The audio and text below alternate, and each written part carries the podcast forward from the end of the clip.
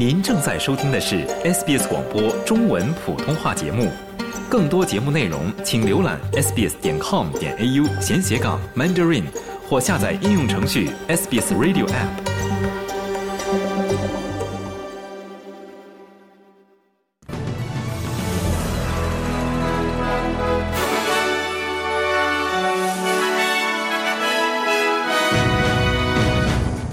RCGP 称，新州人看病支出恐增加。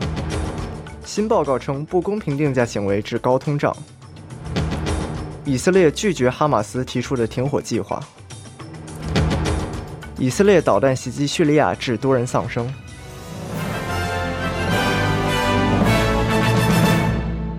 巴布亚新几内亚总理詹姆斯·马拉佩今天将在澳大利亚议会发表讲话，成为首位在议会发表讲话的太平洋地区领导人。马拉佩在十二月签署了一项安全协议，为治安措施拨款两亿澳元。这是他在短时间内第二次访问澳大利亚。他将在国会大厦受到隆重欢迎，然后在参议员和联邦议员联谊会议上发表讲话，并会见总理安东尼·阿尔巴尼斯。澳大利亚竞争与消费者委员会 （ACCC） 前主席的一份新报告称，不公平的定价行为导致了高通胀。在这份由澳大利亚竞争与消费者委员会委托撰写的报告中，艾伦·费尔斯教授称，企业在推动通货膨胀方面的作用被忽视了。他说：“虽然新冠疫情大流行给供应链带来了压力，但价格、价格制定和利润率在通胀中的作用需要得到妥善解决。企业对价格的实际设定对通货膨胀的影响相当大，而这一点往往被忽视。其他方面受到指责，如货币政策、战争等。”商业价格对通货膨胀的影响很大，但澳大利亚工商会首席执行官安德鲁·麦卡拉对报告的价值表示怀疑。Well, look, I think we are very skeptical about. 我认为我们对这份报告的建议怀持怀疑态度。老实说，我认为这是工会运动为了给企业抹黑而预先设定的，因此我们并不太相信所提出的建议。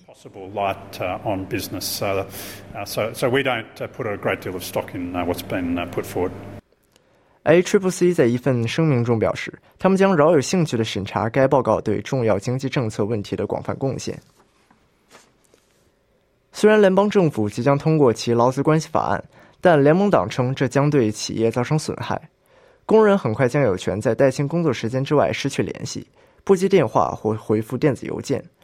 联盟党的米卡利亚·卡什表示，断线权将使企业更难进行互动。全澳大利亚的企业们，欢迎来到2024年。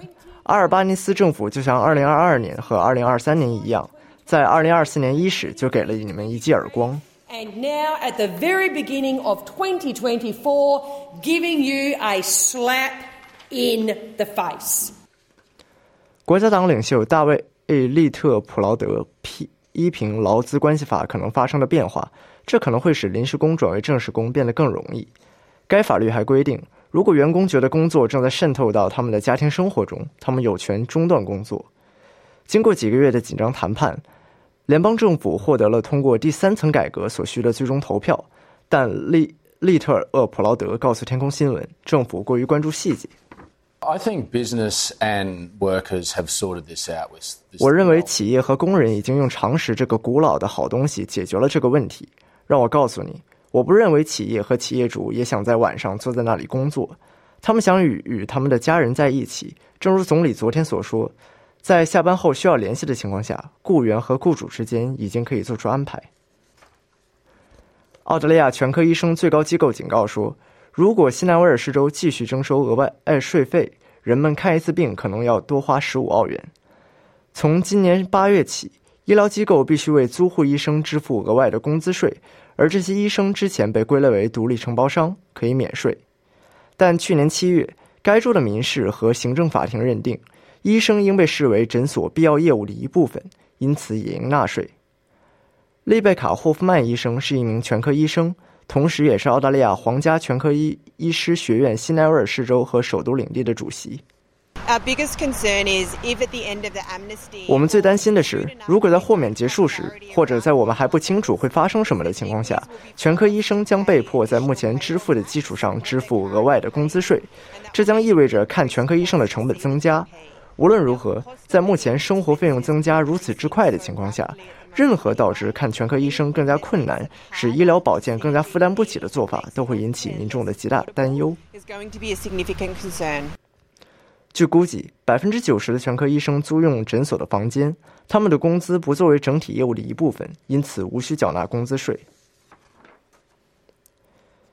新的法律将使性犯罪幸存者在法庭作证时更容易获得支持。总检察长马克·德雷福斯向联邦议会提出了一系列措施，以解决司法程序经常对受害者或幸存者造成二次伤害的问题。对于儿童时期发生的犯罪行为，成年原告将能获得弱势证人保护。其他措施将允许弱势人群通过录音或录像提供证据，这些证据可在未来的听众会上使用。他们还可以公开分享自己的故事。如果您或您认识的人想谈及性侵犯或性骚扰、家庭暴力，请拨打一八零零 RESPECT 电话一八零零七三七七三二，或访问三 w 点一八零零 RESPECT.com 到的 AU。紧急情况下，请拨打 Triple Zero。您正在收听的是 SBS 中文普通话节目。以色列总理内塔尼亚胡拒绝了哈马斯提出的停火计划。根据替代前一个建议的新提议，哈马斯将用十月七日被俘的剩余以色列人质交换巴勒斯坦囚犯。但内塔尼亚胡表示。以色列必须取得绝对胜利，这意味着彻底消灭哈马斯。该计划是对卡塔尔和埃及调停方上周所提出的建议的回应，并得到了美国和以色列的支持。联合国秘书长古特雷斯表示，这个问题也在分裂安委会。各国政府无视并破坏多边主义的根本原则，完全不负责任。联合国安理会，这个全球和平问题的主要平台。因地议员政治分歧而陷入僵局，这不是安理会第一次分裂，却是最糟糕的一次。今天的功能失调更加严重，也更加危险。But it is the worst. Today's dysfunction is deeper and more dangerous. 据战争检测机构称，以色列导弹袭击了叙利亚霍姆斯市的多个地点，至少造成十人丧生。叙利亚人权观察组织称。死者包括六名平民和两名真主党战士。据当地消息来源称，袭击的目标是该地区的叙利亚军队前哨和一个空军基地。而据叙利亚国家媒体称，叙利亚防空部队击落了多名导弹，但不清楚击中的目标。自十月七日哈马斯袭击以色列平民和士兵以来，以色列加强了对叙利亚境内伊朗支持的武装目标的打击，同时还打击了叙利亚军方的防空设施和部队。乌克兰当局称，在俄罗斯导弹和无人机袭击乌克兰多个城市后，至少有五人死亡，数十人受伤。基辅西南部一栋公寓楼被击中，有四人死亡。南部城市米克廖夫有一名男子死亡。乌克兰称，俄罗斯发射了六十四枚导弹和无人机，乌克兰成功拦截了其中的四十四枚。巴基斯坦比路比路支省发生两起炸弹爆炸事件。造成至少二十六人死亡，数十人受伤，进一步引发了对议会选举当天安全问题的担忧。第一起袭击发生在一名独立候选人的选举办公室，造成至少十四人死亡。第二起爆炸在伊斯兰神学者协会党派的一处选举办公室附近发生，造成十二人死亡。随着巴基斯坦数以万计的额外民众前今天前往投票站，近几个月来的武装分子袭击以及前总理。伊姆兰汗的入狱使局势日益紧张。前总理纳瓦兹谢里夫被认为是这次选举的领跑者，他是巴基斯坦穆斯林联盟的领导人。前外交部长比拉瓦尔布托扎尔达里作为巴基斯坦人民党的议员也参与了竞争。欧盟委员会建议到二零四零年将温室气体排放量减少百分之九十。欧洲气候专员。沃普克·霍克斯特拉说：“采取这样的行行动将会有助于为世界其他地区带好头。”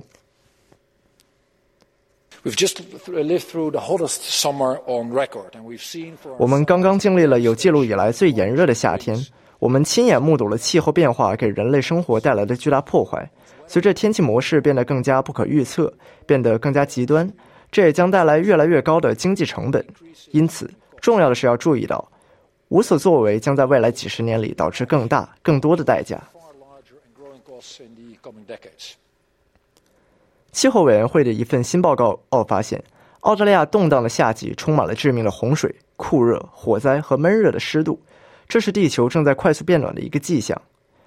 二零二三至二四年夏季，从八月到十月，美国经历了有记录以来最干旱的三个月，随后东部各州的降雨量创下历史新高。报告显示，几乎每个州和地区的天气记录都被打破，社区受到飓风、暴雨、热浪和极端火灾的影响。报告发现，澳大利亚的夏季已经发出明显的地球过热迹象，包括东海岸海洋温度上升。下面让我们将目光转向板球赛场，瑞奇·庞廷呼吁限制国际球员每年参加 T20 联赛的次数，以防止板球测试赛进一步衰落。这位澳大利亚传奇球星在不断扩大的工作量之外，又增加了第二份教练工作。他刚与华盛顿自由队签约，并将率领他们征战美国板球大联盟的比赛。尽管积极参与 T20 特恶许经营，但庞廷仍希望看到国际板球运动蓬勃发展。这将是未来板球运动面临的最大挑战。我们如何管理这些国内比赛的发展？如何将它们与国际比赛甚至国内比赛重叠起来？例如，这就是我们在 Big Bash 赛事中面临的最大挑战。我们的小窗口几乎每年都在被吞噬，以至于在今年的 BBL 总决赛上，大多数海外球员和更优秀的球员都没有参加 BBL，而是去其他地方签约了。接下来，让我们看一下澳大利亚元的汇率。在国际货币市场上，一澳元可以兑换零点六五二美元，一点零六八新西兰元；同时，一澳元可以兑换四点零。四点六六四人民币，五点零九八港币，二十点四五六新台币。接下来，让我们来呃了解一下全国各主要城市今天的天气情况。悉尼多云，最高温度二十五度；墨尔本多云转晴，最高温度二十四度；布里斯班有阵雨，最高温度三十度；堪培拉局部多云，最高温度二十四度；阿德莱德晴，最高温度二十九度。珀斯晴，最高温度三十九度；达尔文有阵雨，最高温度三十一度；霍巴特局部多云，最高温度二十五度。